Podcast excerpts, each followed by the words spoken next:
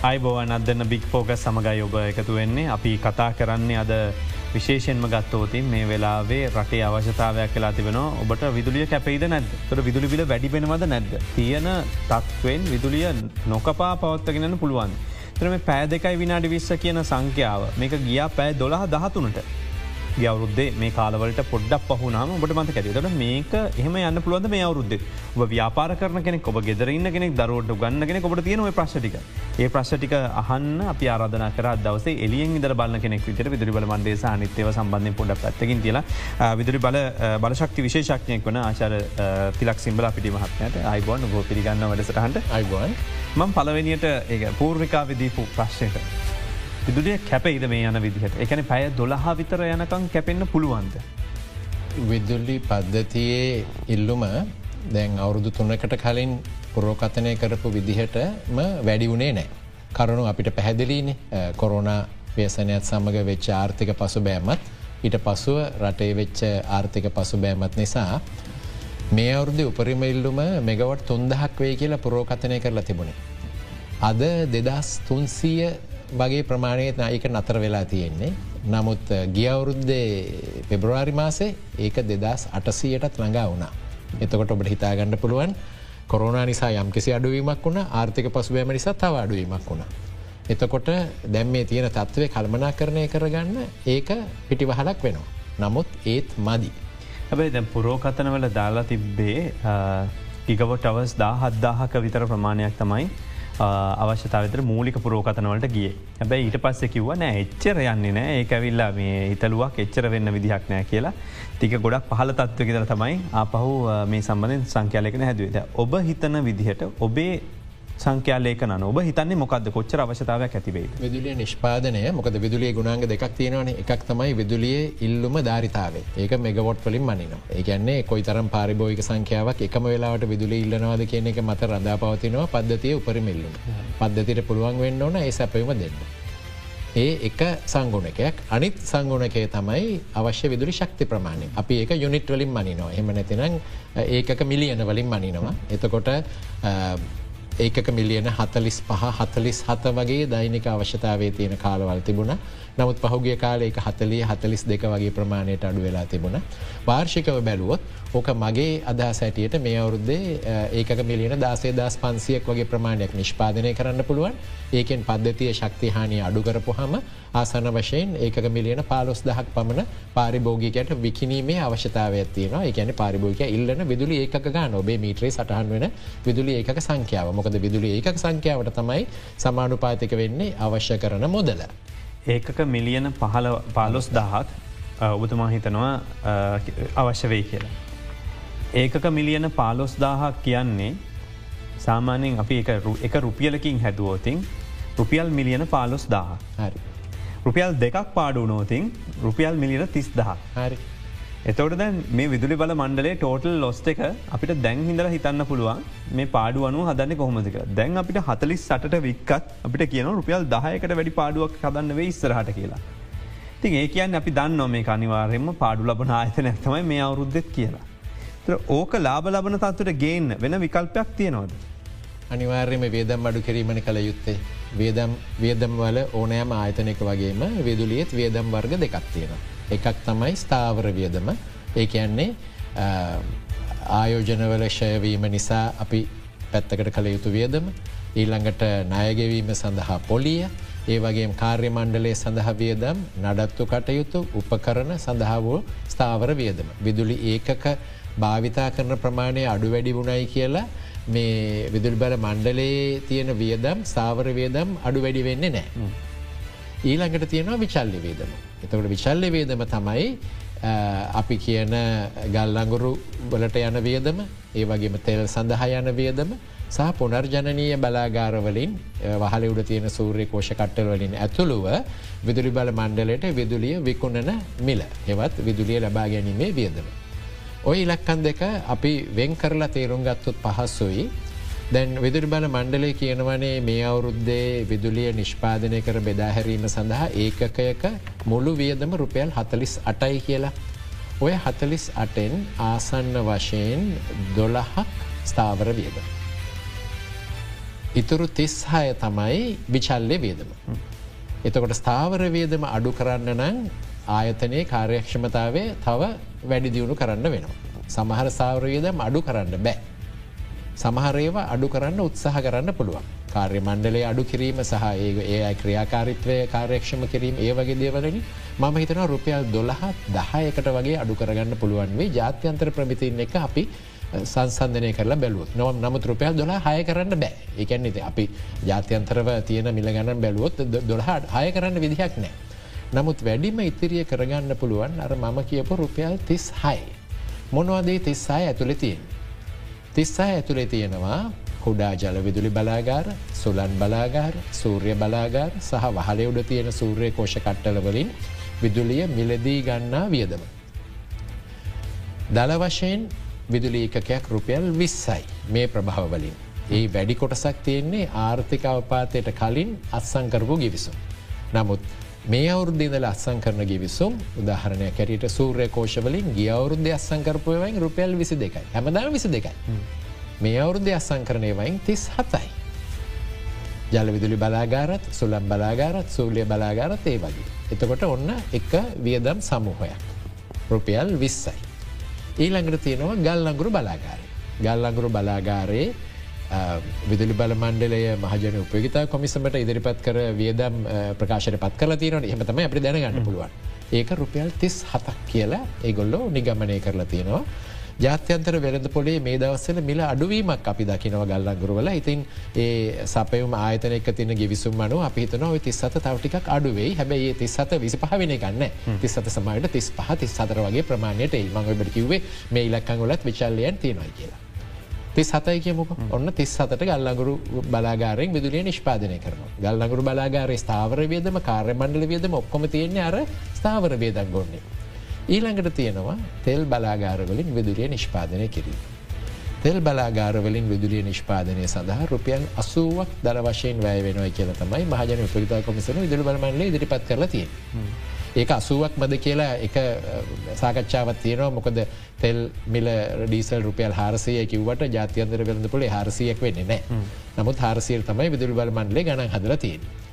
දැන් අපි වියදම් අඩු කරනවා නං අර රුපියල් අසුවන නවත්තන්න ඕනි අනිවාර රුපියල් අසුව තමයි නවත්තන්න ඕන මොකද අසූවේ ගාන විදුලිය නිෂ්පාදනය කරන්න දීර්ඝකාලීන කිසිම සැලසුමක තිබුණේ නෑ. එහෙනම් මේක මෙතෙන්ට කොහොමදාවේ. මේ අවුරුද්දේ රටේ විදුලි අවශ්‍යතාවයෙන් සියට විසි පහක් රුපියල් අසුව බැගින් නිෂ්පාදනය කරනව කියල තමයි මේ පහුගේ මාස දෙකතුනේ ගණන් හැදුවයි. එතකොට මබට කිවන දීර්කාල සැලසුමල එහම කතන්දර තිබුණන එක හෙම මන තිබුණේ. තිබුණේ රුපියල් අසුව ගානය විදුරිය නිෂ්පාදනය කරන්න නෙමේ. ඒ වෙනුවට පුනර්ජනනය බලාගාරවලින් සාම්පූර් සහ නොරච්චෝලය අංක හතර කියන බලාගාරයෙන් සහ ස්වභාවික වායුවෙන් විදුරිය නිෂ්පාදනය කර රුපියල් අසුව වෙනුවට එයින් දෙකින් පංගුවකට හෝ ඊටත් වඩා අඩු වියදමකින් විදුරිය නිෂ්පාදනය කරන්න නියමිතම් තිබුණේ. ඉතින් මේ බලාගාර වර්ග කිසිම දෙයක් කලට වෙලාවට ඉදි කරන්න ඉඩ දුන්නේ නෑනේ.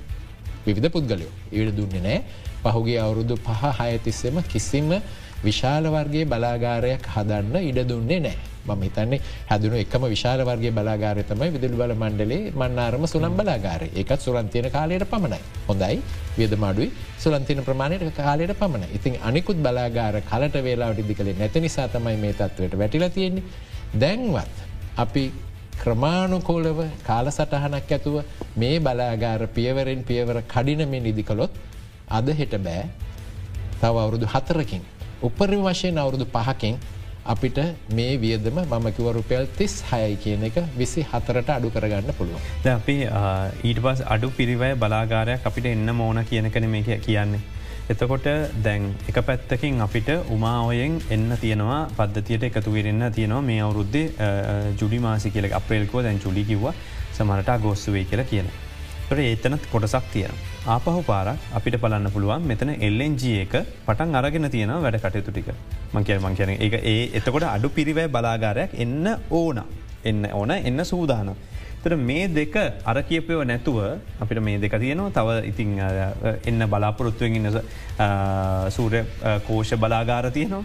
මේකින් මේකෙන් පාලනය කරන පුළුවන් තත්ව නෙමේද තිය ප්‍රමාණාත්මකව ඒ කරුණුවලින් මදි. මේ තත්වයට උත්තර දෙන්න ඔය කරුණු ටික මදි. උමා ඔය කියන්නේ වාරි කටයුතු සඳහා ජලය නිකුත් කරද්දි විදුලිය නිෂ්පාදනය කරන බලාගාරයක් මිසක් විදුලිය නිෂ්පාදනය කිරීම ප්‍රමුකත්වය තියෙන බලාගාරයක් නෙවේ. නමුත් ඒකෙන් ලැබෙන විදුලියේ අගේ ඉතාම හොඳයි වියදමාඩුයි ඒ අප අගේ කරනවා. නමුත් ඒක මේ ප්‍රශ්නය විසඳට බෑමකද හැම දේකම ගණන් මෙම ඇතුවනි අපි කතා කරන්න ඕන. ඊළඟට ඔබ කිව එල්ලජ බලාගාරය කියල. ඔබ දන්නවද එල්ලජ බලාගාරය මේ නාම පෝරෝකට පමණ එල්ලෙන්ජ කියන වචනය අදාළ වෙන්නේ කියලා. එල්ලෙන්ජ කියන්නේ ද්‍රව කළ ස්වභාවික වායුව. ද්‍රව කළ ස්වභාවිකායෝ තියෙනවද මේ රටේ? නෑන. නමුත් දැන් එෆෙස්සාරියුවකත් අරගෙන අපිට කිවේ ඒ ප්‍රශ්යන වෙන කෙනෙක් ගන්නද ලොකු ප්‍රශ් තිබ ඊට පස්ස තිබ අපිට ප්‍රශ්ය මේ රෑට අත්සංකරේ මේක. දැ මේක ක්‍රියාත්මක වෙයිද නැද්ද. දැතුට ඔය කියපය තාම ක්‍රියාත්මක තත්වට ඇවිල්ල රෑ අසංකර නෑ. මුකුත් නැත දවල්ද රෑද කියන එක දැම්මතන කරුණු දෙකක්නේ. ද්‍රව කළ ස්වභාවිකවායු ආනායනය කළ ගබඩා කරන්න පර්යන්තයක් ඕන. ඔය පර්යන්තය කතාව තමයි තියෙන රෑදොල හස්සංකරප එකයි තරගකාරීව මිල ගණන් කැඳවප එකයි.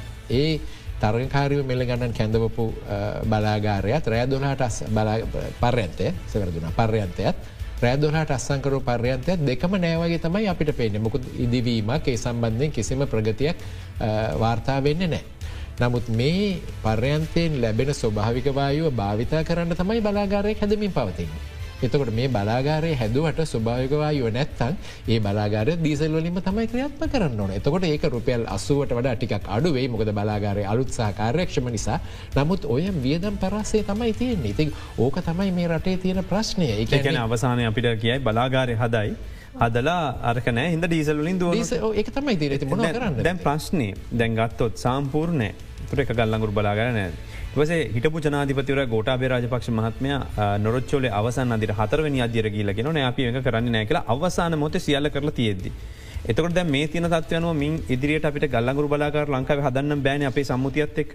මෙම ඒ සම්මුති අස්සං කරලා තියෙනවා. ලංකාව අත්සංකරපු සියලූම සම්මුති වලට එකගම් කටයුතු කරලා තියෙනවයි කිය ලොබ කියනවද. එහෙමනම් ගල්ලංගුරු බලාගාර ගැන අත්සංකරපු සම්මුතිය හෝ ස්වේච්ඡාවෙන් කරපු ප්‍රකාශය විතරද අපේ රටට ජාත්‍යන්තරව අපි නොකඩයින්න එකම සම්ඩයින්න එකම සම්මුතිය. ජාත්‍යන්තරයට අපිට කියන්න බැරිද? අපේ පද්ධතිය පවත්වාගෙන යාම සඳහා අපිට මෙන්න මේ බලාගාර සංකලනේ මේ හැමලෑම සංකලනය ගැන අපි කතා කරන්නේ. මේ බලාගාර සංකලනය හරියට හදා ගැනීම සඳ අපිට තව ගල්නගුරු බලාගාර දෙක අවශ්‍යයි. ස්වභාවික වායු බලාගාරයක් අවශ්‍යයි. ඒ වගේම සූර්ය බලාගාර සුලන් බලාගාර සහ වාලිුට තියෙන සූර්ය කෝෂ මේ හැමේකම සංකලනය තමයි අවශ්‍ය එක බලාගාර වර්ගයකින් මේ ප්‍රශ්නය විසඳන්න බෑ. හැබ එක බලාගාර වර්ගයක් තියෙනවා ඒකෙන්න්න කොහොමත් විසඳන්න බෑ ඒ තෙල් බලාගාර. දැය කියන්නේ අනිවාරෙන්ම අපිට මේ වෙලාවේ කොහොමරි කතා කල්හරි කෙරිය යුතු එක තමයි ගල්ලංගුරු බලාගාරය ඉළඟ කොටස. අඩුගානේ දැන්ට හතරවනි. අදිරහරි කරගන්න ඕන කියනක. හතරනි අදිර කලානන් අපිට මෙගවට තුන්සියක් ලැබෙනවා. මොකද අපි මෙ මෙහම කරුණු කීපයකුත් තියෙනවනි. නොරච්චොල බලාගාරයේ කාර්යක්ෂමතාවය ජාත්‍යන්තර ප්‍රමිතිර වඩ අඩු ඒ අපි දන්න මුල ඉදරම එක තියෙන එක තියෙන අඩු පාඩු නිසා. ඉතින් එම නිසා ඒ බලාගාරයට තව තව ජනකයන්ත්‍රයක් තියෙනවනම් ඒ ඒ පාඩුව පිරිමැහෙන අතරම පද්ධතියට ධාරිතාව ලැබෙන. සහ දැනට කොහොම තෝෆෙනවනේ අවුරුද්දේ යම් කාලෙක එක එක කොටස කොටස. එතොට ඒ තුනක් දිව්වත් උපරිම කාරක්ෂමතාව අපිට ලබාගන්න පුළුවන් ලබාගන්න පුළුවන්. ඒකැන බලා මෙගවට තුන්සිය තියනව ලොක පිටිබහලක්වෙනවා සහයක මිලාඩු වර්ගේ වෙනත් වෙන්න තෙල් බලාගාරුවට මෙගවට තුන්සියකර තුන්දාහකර ගන්න පුළුවන්. ඒවයි වැඩක් නෑ. ඒවයි ඒවයි වියදම රුපියල් අසුවයි. ඉතින් දැ වෙලා තියෙන්නේ අර දීර්ඝකාරීන සැලැස්මි තියෙන බලාගාර කිසිම දෙයක්. පුනර්ජනය ඇතුළුව කිසිම දෙයක් කලට වෙලාට ඉදිකරන්න ඉඩ දෙන්න නෑන ඔබ දන්නවන ඒකට වානිජමය බලපෑම් ගොඩක් එනවා මේ බලාගාර වර්ග හැම එකටම. එතකොට වෙන්නේ මුලින්ම කරන්න දැන් දෙදස් දහ දෙදස් දහ නවේ තමයි සාම්පූර් බලාගාර නිම කරන්න තිබුණ. නම දහන මේ විදුල කැපුම් තිබුණ නෑන එතුර ඔබට හිතන් පුන ඇයි තිබුණ නැති මොකද කියර තිබුණ නැත්තේ තියන තෙල් බලාගාරවලට තෙල් ආනයනය කරලා පොම්ප කරලා විදුලිය දීලා කිසි ප්‍රශ්නයක් නෑවගේ අපිට ගැන ජනතාවට මේක තේරෙන්නේ නෑ මේ මොකද අපිට කෝමහරි ලයිට් එක දැම්ම බල්බක පත්වෙනවා විච්චක දැම නමුත් ඒවුණට රටේ මෙහම ලොකු අර්බුදයක් තිබිල තියෙන ඒතෙල් ලංකාව ගත්තනයට විදුලි බල මන්ලේ ගත්තෙන්නයට ඇයි? මිල වැඩි කරත් නෑන පරිභෝගයට දෙදස් දාතනද එකම මිල පවත්තාගෙන ගිය. කිසිම මිලාඩු බලාගාරයක් විශාල බලාගාරයක් හැදුවෙන පුනජරණය බලාගාරයම් කිසි ප්‍රමාණයක් කෙරුණ. අප ඒක හොඳයි. ඒක නෑ කියන්නේ නමුත් වෙන මිලාඩු බලාගාර විශේෂයෙන්ම ස්වභාවික වායු බලාගාර සහ ගල්ලඟුරු බලාගාර හදන්න ඉඩ දුන්නේ නෑ ඉතින් ඒක සමහරවිට බලාගාරය කහෝසකරපු හම මේ බලගෙන ජනතාවත් සමහරවිට මේ සතුට වෙන්න ඇති අපපුඩි හොඳ හොඳ හොඳ වැඩේ. විදුබල මණ්ඩලට වනේ විදුබල මණ්ඩට හොඳ වැඩේ වනේ ඔය බලාගාරය හදන්න ඔයොත්තන මාෆිය අරගොල මේ ගොල කියලා. නමුත් යථාර්ථය තාක්ෂණික සහ ආර්ථිකම යථාර්ථය තමයි දැන් අපි ඉදිරිය තිය. එතකොට දැන් බලපෑම් කරලා හෝ රටේ තියන තත්වය සම්බන්ධය සාකච්ඡා කරලා ජනාධිපතිවරයට අවශ්‍යනම් මොකදම විදුරි බල මන්ඩ ධාරෙන් සමඟ මේ වගේම සාකච්ඡාල නෑ අපිට ඒකන හිතන්නවත් බෑ. දැන් ඒ අසංකල් ඉවරයි. දැන් ඒ ගැන හිතන්නවත් බෑ කියනවා. එතකොට ඊට පස්සේ අපි ඇහුවම දැන් එල්ලෙන්ජි ගත්තොත් වල් මිලියන් බිටියව එක කොච්චරද කියලා ගාන හදල බැලුවම තුළගන්න ඒක ප්‍රශ්යක් නෑකද මේ දෙකේ මේ වෙලාවේ ගාන එක වගේ පේනවා. නමුත් ඔබතුමා කියන්නේ මේක අවශ්‍ය නම් කෝමරි රටක් විදිර හිතල කරගන්න ඕන මේ බලාගාරය හදාගැනීම කියන අනිවාර්යයෙන්ම අපිට මේ දෙක්කම අවශ්‍ය එකක් නෙමේ මොකද අපි මෙන්න මේකත් මතය තියාගන්න ඕන. පුනර්ජනනය බලාගාර ප්‍රතිශතය වැඩිවේගෙන වැඩිවේගෙන යද්දී. පද්ධතියේ ඉල්ලුම සපුරන්න ඕන නිසා පුනර්ජනනය බලාගාරවල එහි විදුරිය නිෂ්පාදනය විචල්ලය වෙනවනි. වලාකුලක් එද අඩුවෙන ඊට පසේ ආය වැඩි වෙන සුලං තියෙන කාලයට සුළං බලය වැඩි ඊට පසේ අඩුවෙන ජල විදුල් බලාගාරත් ඒ වගේ. ඒ විචල්්‍ය විචල්්‍යත්වයට උත්තර දෙන්න පුළුවන් හොඳම බලාගාරවාර්ගය තමයි ස්වභාවික වායු බලාගාර. ගල්ලංගුරු බලාගාරයට ඒ වැඩේ කරන්න බෑ. මිල අඩුනාට ඒ වැඩේ කරන්න බැහැ කියන්නේ දැන් රට අද වලාකුලකින් වැහිල නම් ඊයේ පුරෝකතනයට වඩා අද ඇත්ත තත්ත්වය වෙනස් නම් නැතිවීගිය සූර්ය බලයට සමානුපාතිකව වෙන බලාගාරයක් ගේන්න නම් නිවාදමා තියෙන ගල්ලංගුරු බලාගාරය පණගන්නන්න වෙලා මදි. නිවාදමා තියෙන ස්වභාවික අයු බලාගාරය පණගන්නට වෙලා හොඳට මැති. ඉතින් එම නිසා මේ හැමේ මොකද මේ අධි තාක්ෂණක කාරණයක් මම සරලව පැහැදිලි කරන්න උත්සාහ කරන්නේ මේ බලාගාර හැමෝගෙම සංකලනයක් හැටියට තමයි ලෝකෙ අනිත් හැම රටක්ම තමුන්ගේ විදුලි සැපව පවත්වාගෙන යන්නේ. අපි බලාගාර හද නෑ කියලා ගිවිසුම් ගෙවිසුම් අස්සං කලාද ප්‍රකාශක නිකුත් කලාද ම දන්න හෙම කිව්වට ඉන්දියාව හෙම අත්සං කලේ නෑ චීනය අස්සං කලේ නෑ මැලේසියාව අස්සං කලේන මංගල දේශය අස්සං කලෙත්න. එතකොට අපේ කලාපේ දියුණුවමින් තියෙන රටවල් කවරුත් එහෙම ස්වච්චාවෙන් අපි හවල් බලාගාර වර්ගේ හදන්නෑ කියලා ගිහිල් අස්සං කරලාවෙන ඒගොල්ල කිව අපි අහවල් අවුරුද්ධ ඉදරේ අඩු කරන්න. ඉතින් අන්න ඒ වගේ මොකද ඒගොල්ලො ප්‍රමුකත්වය දෙන්නේ තමුන්ගේ විදුරි සැපම පත්වාගෙන ෑමට. ඉන්දියාවේ විදුරි කැපුම් දීර්ඝ කාල ඇතිබුණ නමුත් දැන් අද තමිල් නාඩුව පුද්ගලයකින් හැවොත් ඒගොල සතුටින් කියයි අපේ විදුලි කැපුම අන්තිමට තිබුණ දෙදස් දාහතය කියලා. ශ්‍රී ලංකායි අපි මොකද කියන්නේ අපේ විදුලි කැපුම නැවත පටන් ගත්ත කියලා. එබැයි ඔවුන් දැන් ඥස්ටික තාක්ෂණය පා භාවිතා කරන තුර අපි වගේ රටකට ඒව හිතන්නවත් බැරි දේවල් නේද. බෝධනෙක් මේ කහනින් අපිට ඉස්සරට හස්ටික විද්‍යාඥයෙන් ඉන්න අපිට මෙහම ඉන්න විධ යෝජන අපට කියන හැන නමුත් මංහන පුළුවන්ද මේ ඇත්තරම. මම කියන්නේ ඒ විකල්පය අපි විවෘතව තියාගන්නවා. අපි දන පැත්ත බැලුවොත් නෑෂ්ටික බලාගාරවලින් ස්ථාවර විදුලි සැපීමක් ලබා දෙන්න පුළුවන්. දීර්ඝ කාලීනව අඩු වියදමකින් ලබා දෙන්නත් පුළුවන්. අපේ අසල් වැසි ඉන්දියාවත් ඉන්දියාව නේෂ්ටික බලාගාර දැනටමත් භාවිතා කරන වැඩි දුරනෙමේ තමිල්නාඩුවේ කොන්ඩන් කොළම් කියන ස්ථානයේ දෙවැනි නේෂ්ටික බලාගාරය තිදි වෙමින් පවතිනවා. බංගලදේශයත් රොපූර් කියන ස්ථානයේ පලවෙනි ප්‍රතික්‍රියකය ඉදි වෙලා ඉදිවෙමින් පවතිනවා. ඊළඟ එකෙත් වැඩ පටන් ගත්ත. තාම විදුලිය නිෂ්පාදනය කරන්න නෑයකින්. ඉතින් මේ විකල්පය අපි විවෘත්තව තබා ගන්න ඕනේ. ඒ වගේම අපි මේක රෙන පැත්තත් බලන්න ඕනන අපේ ආර්ථිකය කුඩා ආර්ථිකයක්. අපේ ආර්ථිකය කුඩා ආර්ථිකය. ඒ වගේම අපේ රට කුඩා රට ජනගහන ගනත්වේ අනිත්ව හැම රටකට වඩා වැඩි බංගලදේශයට වඩානේ මේ අනිතරටවලට ජනගහන ගනත්වය වැඩි. එම නිසා අපි න්‍යෂ්ටික බලාගාර ගැන තීරණයක් ගන්න ඕන මේ කරුණු හොඳින් සලකා බලලා තමයි අවසාන තීරණයක් ගන්න ඕන. නමුත් ඒ සම්බන්ධෙන් විද්‍යාඥයෙන් පුහුණු කලාට මොකද න්‍යෂ්ටික බලාගාරය හදනවනම් විද්‍යාඥය වර්ග කීපයක් ඕන. ඉජිනිරු විතරක් නෙමේ තාක්ෂණඥයෝ ඒ වගේම රසායන විද්‍යාඥයෝ ඒ වගේම වෛද්‍ය විද්‍යාවේ මේ සම්බන්ධයෙන් නිපුනත්වයක් තියෙන විශාල ප්‍රමාණයක් අවශ්‍ය වෙනවා න්‍යෂ්ටික බලාගාරය හදනවන. ඉතින් ඒ ඒ එකක විශේෂඥයින්ම කීප දෙනෙක පුහුණු කලාට කිසි වරදක් වෙන නෑ ඒගොල්ලො ලෝකයේ දිහැ සංවේදීව විස්සරාත්මක ලෝක වෙන්න මොකක්ද කියනෙ අධ්‍යයනය කරමින් නිද අපි තීරණයක් ගන්න දවසක් ආවම. මහිතන්නේ බොහෝ දෙනෙක් මේ සම්බන්ධෙන් අහනවා කතා කරනවා. අපිට තවදුරටත් ඒ පිළිබඳ සාකච්ඡා කරන පුළන් මොකද ගොඩ දෙනෙක් විධ දේවල් අදහස් කියන ඉතින් අපි බලශක්ති විශේෂක්තියෙන් තම අහන්නන මොනවදට කරන්න පුළුවන් දේවල් සහ විසඳුම් කියලා. අපි කෙටි විරාමකට යොමුලා නම් මේ අද දෙරන බිග් ෆෝකස්.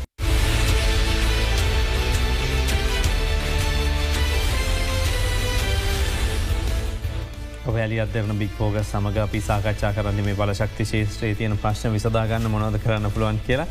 අපිට යෝජනතම ඉදිරිපත් කරන පුළන් නමුත් ඒ තියෙන දේවල් අපිට විමර්ශනාත්මක සාමාන්‍ය ජනතාව විදිට කියන්න පුළන් බලන්න පුළන් ඔබට තේරුම් ගන්න පුළන් අපිත් එක් සම්බඳනවා ආචර තිලක් සිම්ලා පිටි මහත්මය බලශක්ති විශේෂක්නය පිදිට මම මේ තව ප්‍රශ්න දෙකක් කියමු කරන එකක්තමයි දැ මේ වෙලාවේ ඊයේ විරෝත්තාවයක් ප්‍රකාශ කල ති බෘතිය සම්තිතුර බල මණ්ඩලය කියල තිබ විසි හදදහක් හිටිය. දැන් ඉන්නේ දෙදස් විසි එක්දා සත්සි අසූ දෙකයි. එදස් දෙසීයක් ගිය තිස්වෙන්ද දෙසැම්බර් මාසේ ගිල්ල තිබෙන අවුදු හැට සම්පූර්ණ වෙච්ච හිද. තවත් පිරිසක් ගිල හාරදහක් විතර ඔක්කොම මේ තින ආර්ථිකර්බුද ප්‍රශ්තික අයින් වෙලා යනවා කියලා. විදුරිබල මන්ලට එල්ලවෙච දිගම ලොකු චෝදනාත්මයි ලොකු සේවක පිටිසක් නඩත්තු කරන කාරක්ෂමතාවය අඩුයි හැබැයි වැඩි වැටුපක් ගන්නවා මේ ඉන්න ආයතන වියහයන් ප්‍රතිවියහ ගත කරනය කළ යුතුයි කියලා. ද මෙහම ගිහාම මේක සතුටක් වෙන්න ඕන දෙයක්ද නැත්තන් එක අපි රටක් විදිර බල දුක්වෙන්න ඕන දෙයක්ද. එකතකින් සතුටුව එකතකින් දුකයි මොකද සතුට වෙන්න ඕන ඉලක්කම අඩුවීම නිසා.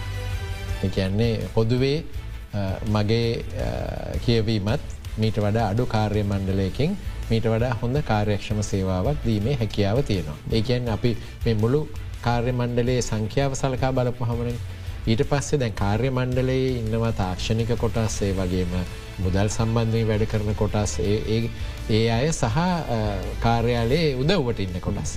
ඉතින් මේ සංඛ්‍යාවලවල තියෙන ඒවයි අවශ්‍යතාවය පිළිබඳ මම මමනං කියන්නේ හරි විගණනයක් කෙරෙන්න්න ඕන. ඔඩික්ට එකක් කෙරෙන්න්න ඕන එක එක ස්ථානයේ අවශ්‍ය ප්‍රමාණය සංඛ්‍යාවන් කොයි වගේද එක එක කාණ්ඩේ. ඒ අනුව බලන තමයි මේ සංඛ්‍යාව ඇද මදිද කියලා කියන්න පුළ නමුත්දැන් තාක්ෂණය ටිකින් ටික දියුණුවේගෙන යද්දී. උදාහරණය අපි ගම්මුක දැම හැමෝම කතා කරන මීටර් කියවන් මනු කියවන්නා ගැන දැන් අනිත් පිටරටවල ආයතන අපි දන්නවා පාරිභෝගිකයෙක්ව හඳුනගත්තට පස්සේ දැන් කම්පියුටරීම බලන්න පුලන මේ පාරිභෝගිකයනම් පහුගේ අවුරුදු පහක් ඇතුළත නියමිත වෙලාවට බිල් ගෙවල තියෙන. එතකොට එහෙම නම් අපිට බැරිද මේ පාරිභෝගිකයට කියන්න ඔබම මීටරේ කියවන්න. කියවල ඉන්ටනෙට් එකට ගිහිල්ලා ඒ මීට මනු කියවීම ඇතුළත් කරන්න. එතකොට ඔබට බිලක් ඉන්ටනෙට් එකෙන්ම දෙයි. ජනරේට පස කියවන්න. මනු කියවන්න අපි තුන් මාසකට සැරයක් ඒ ගෙදරට යවමනිකම් එක පරීක්ෂා කරලා එන්න. නැත හය මාසකට සැරයක්. මොකද මේ අර ඔබේ පාරිභෝවිකය දැනගන්න නෝයෝ කස්ටම කියලා තියෙනවනි කතන්දරයක් මේ ව්‍යාපාරවල. එකන්නේ පාරිභෝගිකයම දැනදුර ගත්තට පසේ ඒ පාරිභෝගිකයට ටිකක් වෙනස් විදිහට තමයි සලකන්න. මෙතෙන්දි කරන්න පුළුවන් සරලම දෙයක් තමයි තමුගේ මීටරේ තමුම කියව ගන්න කියනෙක් මොකද දැක් මීටර ඔක්කෝම දැන් ඔබ දන්නවද මම දන්න තොග පාරිභෝගිකයෝ දොළොස් දාහතර දහක් පමණින්නවා විදුරු බල මණ්ඩලයි ලෙකෝ ආයතනයේ. මේ හැමෝගෙම මීටරේ කියවන්නේ රිමෝට්. මීට්‍රේ කියවන්න කෙනෙ කියන්න ස්මර්ට් මීටස් හරි රිමෝට් කොමිනිිකේෂන් තියෙනම මාස එක්තර අදිනක කියවල බිල තැපෑලි හෝ ඉමල්ල කියවන දැනටත් ඒ ක්‍රමවේද තියෙනවා. ඇති කැන තාක්ෂණික වශයෙන් මම කියන්න ලංකාව ගොඩක් පසුගාමී කියලා. නමුත් ග්‍රහස්ත සහ අනිකුත් කොඩා පාරිභෝක මිලියන් හතක් ඉන්නවන. ඉතින්ගේ මිලියන් හතටම ස්මාර්ට් මීට සයි කරන්න තව ගොඩක් කල්ලයයි මම එකට කනගාට වෙන්නවත් පුදුම වෙන්නෙත් නැහැ. එංගලන්තේ වගේ රටක වුණ තාම ස්මාර්ට් මීට සයිකරගෙන යන වගේ වල්වල තාම හිගියොත් තාම කැරගෙන මීට්‍රී තියෙන තැනුත් තියෙනවා.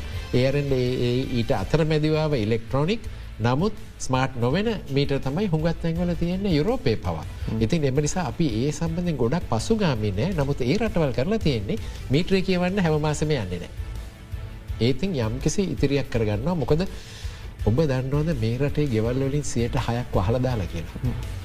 ගෘහස්ත පාරිභෝගයකයෙන්නේ සියට හයක් එකැන ආසන්න වශයෙන් ලක්ෂ තුනහමාරකට මීට්‍ර කියවන්න යනවා මාසකට සැරය ගිහිල්ල බින්දුවයි කියල ලියාගෙන බිලක් නිකුත් කරන හැ ම දන්න දුරක ලසුවකට වැඩි කොස්ට එකක් යන එක ගෙදරකට ටත් වැඩි ඇති. තුර දැ තියෙන ප්‍රශ්තම මේක. එතකොට දැන් ඒක ඒගා නොබ සීර හයක් අයිංග නොගෙවල් වහලදාලා කියලා. පස ඊළඟ කොටස තමයි අපි සම්ප්‍රේෂන් පද්ධතිය ඔක්කොම ඇතලා ගෙදරට මීටර එකක් දීල ඇබැයි රුපියල් දෙසීයක් විතර බිලක් එන විශාල පිරිසක් ඉන්නවා. එතකොට ඒකක තිහ පාවිච්චි කරන ඒකත් එක්තරාකාරකින් අපරාධයක් වෙන හෙමනු. ඉති ඒක තමයි. ඒ ගැන අපි එකන්නේ දැන් ප්‍රිපේඩ් මීටස් එකැන කලින් ගෙවන මුදල් දැම්මහම එහම නැතින කාඩ් එකක් දැම්මම ක්‍රියාත්මක වෙන විදුලි මීටර ඉතින් ඒව ගැන කතා කරනවා මිසක් දැන් අවුරුදු දහයක් තිස්සම කතා වෙනවා මට හෙනවා නමුත් ඒවා ප්‍රචලිත කරන්න කිසිම ලොකු වැඩ පිළිවෙලක් තිබුරනෑ මොකද ඒකෙන් ඇත්තටම විදුලිය විදුලිය කමර්ශල් කොස්ට එක කියන එක. ඒකැන්නේ විදුලිය වානිජමය වියදම එක විදුලිය සපේ වානිජ වියදම කොටස අඩුකර ගැනීම හැකියාවක්ති නමුක අවසානයේදී ඒ හැම වියදමක්ම ඔය පාරිභෝගයම තමයි ගෙවන්නේ. කෙලින්ම හෝ වක්‍රම ඉති එම නිසා වියදම අරස්ථාවර වියදම ගැනම මේ කිය නරම වේද කොටස් දෙකක් ගැන කිවනේ ස්ථාවර වියදම අඩුකර ගැනීම දැන් ම නැවතත් කියන්න රුපියල් දොලහක් විතර වෙනවා ඒකට නමුත් එක හය කරන්න බෑවයි ම කියන මොනව කලා ඒක හොඳටම පැහැදිල තේරුම් ගන්නවන නමුත් දොළහ දහය අවශයෙන් නවේ වගේ ප්‍රමාණයට ගේට පුළුවන්ේ ගොඩක් උත්සා හමුත් හැම අඩුකිරීමක්ම වැදගත් කියනක කියන්න. ඒකයි ම කියන්න. සත පහකෝ රුපියලක්කෝ ඒකක වේදම අඩුකරන එක ලොක වැදගත්කමක් තියෙනවා. නමුත් ලොකොම මේ සල්ලි ටික දෝරි ගලා යන්නේ තෙල් සඳහා පාවිච්චි කරන විදුලිය. ඉතින් ඒක නවත්වා ගැනීම තමයි ප්‍රමුකත්වය තියෙන්. තැන් නියාමනායතනය විදිහට මහජන උපයෝගිතා කොමිෂන් සභාව. ඒකුල්ලො ගාව නෑ ගොඩක් කලාට මේ පව පර්චසින් කන්ට්‍රක්සික. එතකොට ඒව ඉරිදීලත් නෑ. තර විදුලි බල මණ්ඩලය එහෙම තමන් සතුව මේක තියාගෙන ඉන්නවා. තියාගෙනන්න පුළුවන්. ඒක නොදී නොදන තත්වයක් තියනොද එතට මේ කාරක්ෂම ගොඩට යන නනි පත ආයතනයක්ද විගෙන ලක් නොවනත් ප්‍රශ්නයන්න මේක. ඒ ගැනට මට හරියටම කියන්න බෑ. ඒ ගිවිස්සුම් වල තියෙන කොන්දේසි මොනවද කියලා. මොකද ඒ ගිවිසුමේ ලියල තියෙනවා නං මේක වෙන පාර්ශවකට දෙන්න බැරිය දෙපාර්ශවම කැමති වුණොත් පමණය. මොකද මං එහෙම ගිවිසුම් දැකලා තියෙනවා. ඒ ඇන්නේ විදුලිය විකුණන ආයතනයත් විදුලිය මිලදී ගන්න ආයතනයත් ගිවිසුමේම ලියනවා. මේ දෙගොල්ලන්ගේ එක දත් එකගත්වය මත මිස කිසිම පාර්ශකයක් මේ පාර්ශවය කිසිම පාර්ශවයක් මේ ගිවිසුම වෙනත් පාර්ශවයකට දෙන්නේ නැහැ කියන එක. නමුත් එහෙම වුණත් ඒ ගිවිසුමේ සංක්ෂිප්තයක් මහජන උපතා කොමිසමට දෙන්න බැරිකමක් නැහැ මොකද ගිවිසුමේ තියෙන සියලුම කතන්දර මේ කියන්න අවශ්‍යනෑ නමුත් විදුලිය මිලදී මිල ක්‍රමය මිලදී ගැනීමේ සමීකරණය මම හිතන්නේ ඒක දෙන්න බාධාවක් නෑ මොකද මම හෙම කියන්නේ මේ බලාගාර තරගකාරී ක්‍රමයට ගත්තේ වනිසා බොහෝ පුද්ගලික බලාගාර තරංකාර ක්‍රමයට හෝ පුනර්ජනනය බලාගාර නිශ්චිත මිල ක්‍රමයකට ගත්ත නිසා ඒගොල්ලන්ට ගෙවන මිල පිළිබඳ සූත්‍රය කලින්ම ප්‍රකාශයට පත් කරලා තමයි මිල ගණන් කැදවලති. හඟන්න දෙයක් එතකොට මම හිතන්න ගෙවන මිලගණන් වල හංගන්න දෙයක් නෑ බොහෝ දේවල්ල ඉතින් එහම මිලගණන් කැදවන් නැතුව සාකච්ඡා කරලා තීරණ ගත්තුවවත් ඇති. විශේෂයෙන් මොය පැරණි බලාගාරවලට දිගුවන් දෙන එක. ඒකැන බලාගාරයක ගිවසුම අවසන් වනාට පස්සේ කියනවා තව අවුරුදු පහක් ඔය දුවන්න කියලා. එතකොට ඒ සම්බන්ධයෙන් තොරතුරු මහජනතාවට දැනගට ලැබෙන නෑන. මොකද ඒගෙන ටෙන්ඩර් කැඳවීමක් කරන්න නෑන.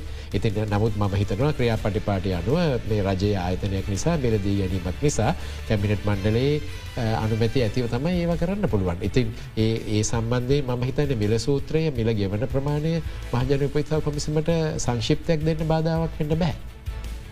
අපි යළිත් විරාමිකට යොමුවෙලා එන්නම් මේ අද දෙරන බිග් ෆෝකස්.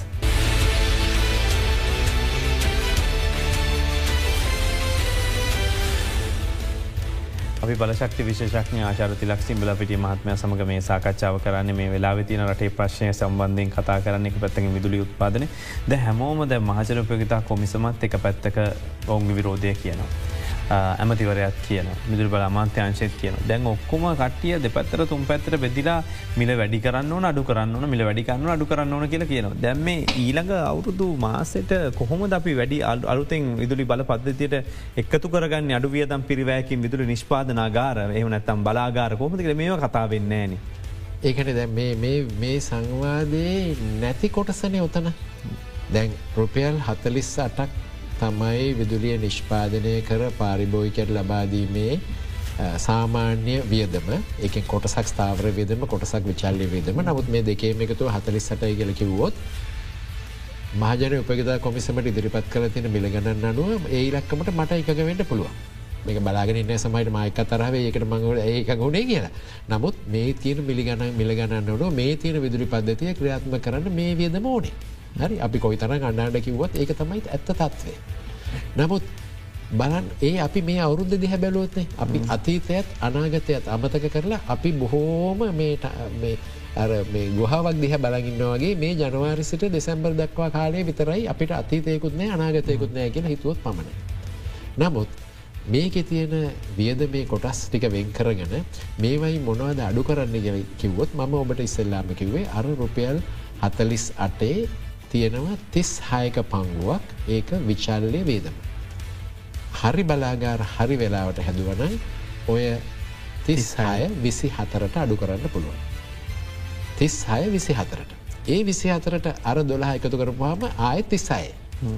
එතකොට මම කෙටියෙන් කියන්නේ බලාගාර සංකලනය හරියට තිබුණ නම් පුනර්ජනනීය ගල්නගුරු සහ ස්වභාවිකවායු බලාගාර සහ පර්යන්ත කලට වෙලාට හදන්න ඉඩ දුන්න නම් අද අපි කතා කරන්නේ රුපියල් තිස් හයක් ගැන. අද පාරිභෝගකයාගේ වන්නේ තිහයි. එතකොට මිල වැඩිවීමක් අවශ්‍යයි නමුත් ඒක සියට පහළ වගේ කුඩා ප්‍රමාණය. දැම්බතර කතා කරන්නේ ආසන්න වශයෙන් සයට අසු අනු වගේ ප්‍රමාණයක මිල වැඩවීමක්න. දැන් උන දේ වුණා. අතීතය ගැන අපිට කතන්දර කියන්න පුළුවන්. අහවල් ජනාධපතුම හවල් බලාගාරය කැන්සල් කලා එම නිසා තමයි ඒ මහිතන්නේ ජනාධපතිවරු දන්නෙත් නෑ. ඒගොලු කරපු දේවල් නිසා තමයි මේ ඒගොල ගෙදරයි ලයිට් යන්නේ. මේ මම මේ ගත්ත හවල් තීරණය කියන මොකද ඒගොල්ල ඒකාලවල තීරණ ගත්ත. ඒව හොල බැලුවෙන සම්පුර තීරණය ගත් ඒ තීරණේ. සාමන්‍යෙන් දවසක් ඇතුළද ගත්ත තීරණයක්. ඒක ආදිනව සලකා බැලුවෙන කොච්චරක් ෘත්තකයෝ කිව්වත් ඒව ගණන් ගත්තෙන ඉතින් මේ කාලතේ වගේ දේවල් ගයා ගත් ෆිලිං එකට තමයි ඔකොම්ට කරන්න. ම මේක කරන්න කිවා මම ඒ ගැන මේ උදම් මැනවා මෝඩිට කිව අපිට වෙන බලාගාරයෙන් දෙන්න කියලා. මේ සාම්පුර වෙනට මෝඩි මහත්තේත හිනාවේ යන්න ඇති අපිට හිනාවේ යන්න ඇති. හරි ඔගොල්ල ඔගොල හරි මෝඩයවන කියලා. ඉතින් නමුත් ඒ වුණ දේ වුණා දෙහෙමන දැන් දෙම ඔබට කිවන හතලිස්සට ගෙන උත්තර හරි කියල හතලිස්සට තිස්සයිට අඩුකර ගැනීම සඳහා මොකක්ද වැඩ පිළිවෙල. දීර්ඝකාරීට සැලැස්ම මම දන්නාකාරයට රජයේ අලුත් ප්‍රතිපත්තියනුව විදිල්බල මණ්ඩලය උපවිදා කොමිසමට ඉදිරිපත් කරල තිබුණ දැන් හය මාසකට වගේ මාස අතරකට වගේ කලින්. නමුත් ඒ ගැන තාම තීරණයක් නෑ මේ ඉතින් දැ ගණහිලව හදලා වාර්තාවක් හදලා ඉදිරිපත් කලාට පස්සේ මාසාතර පහක් ගත වෙනවන ඒ ගැන තීරණයක් දෙන්න එතනත් ලොක ප්‍රශ්නයක් තියෙනවා. එහෙම නැති වුණ ඒ තීරණය ලැබේ කියලා පිතමුකු. එතකොට ඉදිරි අවුරුදු හතර ඇතුළත මම ඔය කියන බලාගාර වර්ග හතර. සුලම් බලාගාර සූරිය බලාගාර වහරිුඩු තියෙනවත් ඇතුළුව ගල්ලගුරු බලාගාර ස්වභාවිකවයු පර්යන්තය සහ බලාගාර. මේ බලාගාර සංකලනය අපි හදාගත්තොත් ඒ කියන්නේ නිශ්චිත කාලසටහනකට මේක ඉදි කලොත් ඒ නිශ්චිත කාලසටහනක් කියන්නේ මේක අධි වේගී කාලසටහනක් වෙන්නවා. ඒ කියන්නේ තුම්මාසක් ඇතුවත මේ දේ කරනවා. ඒදේ කළේ නැත්තන් ඒ ගැන ඒ ගැන වග වෙන්න ඕන නිරධාරින්. අවශ්‍ය මුදල් රජය හොයල දෙන්න ඕන. අවුරුදු හතරක් ඇතුළත අපිට හතලිස්සට නැවත තෙස්සායට ගේන්න පුළුවන්. ඉතින් හතලිස්සට තිස්සායට මිසක් මට කියන්න බෑ අද තියෙනගට අඩු කරන්න පුළුවන්ගේ. තිස්සායට ගේට පුළ තව රුපියලක් දෙක් බොහම අමාරුවෙන් අඩු කරගන්න පුළුවන්ගේ ස්ථාවර වියදමනි. ඉතින් හතලිස්සට තිස්සායට ගේට පුළුවන් අද ඔබ ගෙවන්න තිහයි තිහයි අද ගෙවන්න එතකොට තිහ සහ තිස්සා අතර පරාසේ තමයි මේ රටේ විදුලියේ වියදම තියෙන්නේ. එතකොට විදුලිය මිලත් ඔය පරාසේ තමයි තියෙනට ජාත්‍යන්තර බැලුවත් රුපියල් තිස් හය කියන්නේ ඇමරිකානු සත දහය. කිසිම රටක් අපිට කියන එකක් නෑ ඕගොල්ලගේ රටේ විදුලිය මිල වැඩි. නමුත් අද අපි කිව්වොත් අපේ රටේ විදුලිය වියද මහතලිස් අටයි කියලා එතකොට කාගෙත් ඇස්සොඩ යනවා ජාතියන්තරව මොකද ජාතියන්තරව ඇමරිකානු සත පහලවක් ඒකැන රුපියල් හතලිස් අට කියන එක ඉහළ මිලක් හැටියටයි සලකන්නේ. නමුත් රුපියල් තිස් හය ඒවත් අද අදගෙන් රුපියල් තිය ජාත්‍යන්තරව කාටත් පිළිගත හැකි විදුලිය මිලක්. අපිට මේක ප්‍රශ්නවලටදි පේනදේ තමයි ගැන උනන්දුවක් නැතිකම. දර මේක උත්තරයක් හොයන්න විසඳමක් වන්න එක්ක බුද්ධියන එක්ක දන්න එක්ක තොරතුර විශ්ලේෂණය කරන්න. මහිතනේ දන්න නැති වුණට දෙයක් තොරතුර විශ්ලේෂණය කළ බලනවන ඕන නිලධාරයකුට වගේ බලධාරයට මත්‍රව නාධිපතිරකට තීන්දු තින ගන්න පුළුව දැම්ම තියෙන්නේ ප්‍රශ්නය එතන. ඕ ප්‍රශ්න එතන තියන දැ මොන දෙවුණ මංකිවන ආය අපට අන්ඩල වැඩක් අන්න පුළුවන්. මට තාව කතන්දර කියන්න පුළුවන්. බලාගාර හවස කළ කවද අවද කළේ මොකටද කළේ? හරි ඒ අපිට ගෙල්ල අර දඩුවන් දෙන්නත් පුළුවන් ඔන්න ති කෙරන ක්‍රමවේදයනු නමති ඒක ඒක එහෙම තියලා අපි අනාගතය ගැන කඩිට පින් බලන තීරණ ගන්න ඕනන. ඉතින් මේක ඉන්න පාර්ශවකරුවෝ රජය පැත්තෙන් සම්පූර්ණ සත්‍යය කියන්නේ. කියන්නේ සත්‍යයෙන් කොටසක් විතරයි. අපි මෙතන වැටුණු වැටිල්ල අපි ගොඩ එන්න මොකද කරන්න කියන එකත් මේ මිල වැඩි කිරීමේ සංවාදය තරම්ම වැදගත්. අපිට මිල වැඩි කරන්න වෙනෝ කියනකත ඔතුමත් කියන්න කමැත්තෙන් ගුණන්නේ අකමැත්තෙන් උන්නත් වියදම වැඩි නිසා මිල වැඩි කරන්න සිද්ධ වෙනවා. ඉතින් ඒ ගැන තොරතුරු හැමෝටම දැනගන්නට වෙබ්බඩ වෙල පල කරලා තියෙනවා ඉතින් රුපියල් අසුවට අඩුවෙන් විදුලේකයක් මේ තෙල් බලාගාරවලින් නිෂ්පාදනය කරන්න පුළුවන්කම පුළුවන්කම තියෙනවා මොකද දැක් ජාත්‍යන්ත්‍ර තෙල්මිලයි අපේ රටේ විදුලිය සට සඳහා දෙන තෙල්මිලයි අතර වෙනසක් තියෙනවා. ඉතින් ඒ ඒ වෙනස අපි අඩු කලොත් ඒ වේදම ටිකක් අඩු කරගන්න පුළුවන්. නමුත් ඔය රුපියල් හතලිස්සට සමහට බොහ අමරුව හතලිස් පහ කරගන්න පුළුවන්ගේ නමුත් ප්‍රශ්නය තෙල්. තෙල් භාවිතය සයට විසිපහක් කරන රටක් එකන විදුලියෙන් සයට විසිපහක් තෙල්වලින් නිෂ්පාදන කරන රටවල් එකන අපේ තරම් රටවල් මේ ලෝකෙ නෑ අර මුෝද මැදතින කුඩා දූපත් තමයි මේ විදුලියෙන් විදුලිය නිෂ්පාදන කරන තෙල් පාවිචි ඒත දැන් අපි ගියෝතින්ද මේක නැප්තවලට ගෙනාවත් මේක සම්පූර්ණ භාගයකින් අඩු කරන්න පුළුවන්. නැෆ්ත කියන්නේ අපේ තෙල්පිරි පහදුවේ අතිරික්ත ඉන්දනයක්. එතකොට විදුරිය තෙල් පිරි පහදු ක්‍රියාත්මක වෙනවනම් විදුරිය නිෂ්පාදනය කරන්න නැතිනම් මේ නැፍත නැවතත් පිරටම කරන්න වෙනවා. ගොද නැፍත කියන්නේ ඉතාම වාශ්පශීලී ද්‍රව්‍ය. එතකොට ඔය කැලනිතිස්සේ බලාගාරය සැලසුම් කළේ එක දස් නවසේ අනෝ ගණන්වල මොකද තෙල් පිරි පහදුවෙන් ඉල්ලීමක් තිබුණ මේක ජාතික වශයෙන් වටිනාකමක් තියෙන ඉන්දනයක් මේක අපේ රටේ භාවිතා කරන එක තමයි හොඳමදේ අඩු ගානට අතිරික්ත ඉදන කැටියට පිටරට විකොල්ල දාන්න වෙනවා. මේ ඒ අනු ගණගල තිබුණ ක්‍රමවේදේ අනු. ඒ අනුව සම්පූර්ණ දැනුවත් භාවයක් ඇතුව තමයි මේ හම්බෙක් වෙච්ච වරදක් නෙවේ ඒ ගැන සාකච්ඡා කරලා අවුරුදු ගණ අධ්‍යයනය කරලා තෙල් පිරි පහදුව නිලධාරීන් චන්ද්‍රසකර මහතය මට හොඳට මතකයි තෙල් පිරි පහදු කළමනාකරු මේ සම්බන්ධය රජයට කරුණු කියලා කියලා කියලා මේක මේක රට ඇතුළි පාවිච්චි කරන්න මේක පිටට යවනක තේරුමක් නෑ කියල විදිල්වල් මන්ලේ උනන්දු කරලා රජයේ තේරණයක් හැටියට තමයි ඒ බලාගාරය හැදුවේ. එතකොට නැෆ්ත නැෆ්ත මිල කරන්නේ එක එමල කළ යුත්තේ ඒ අතිරික්ත ඉදනයක් හැටියට ඒ කියන්නේ නැෆ්ත හරිනම් මිල කළ යුත්තේ ඒක ජාත්‍යන්තර මිලට.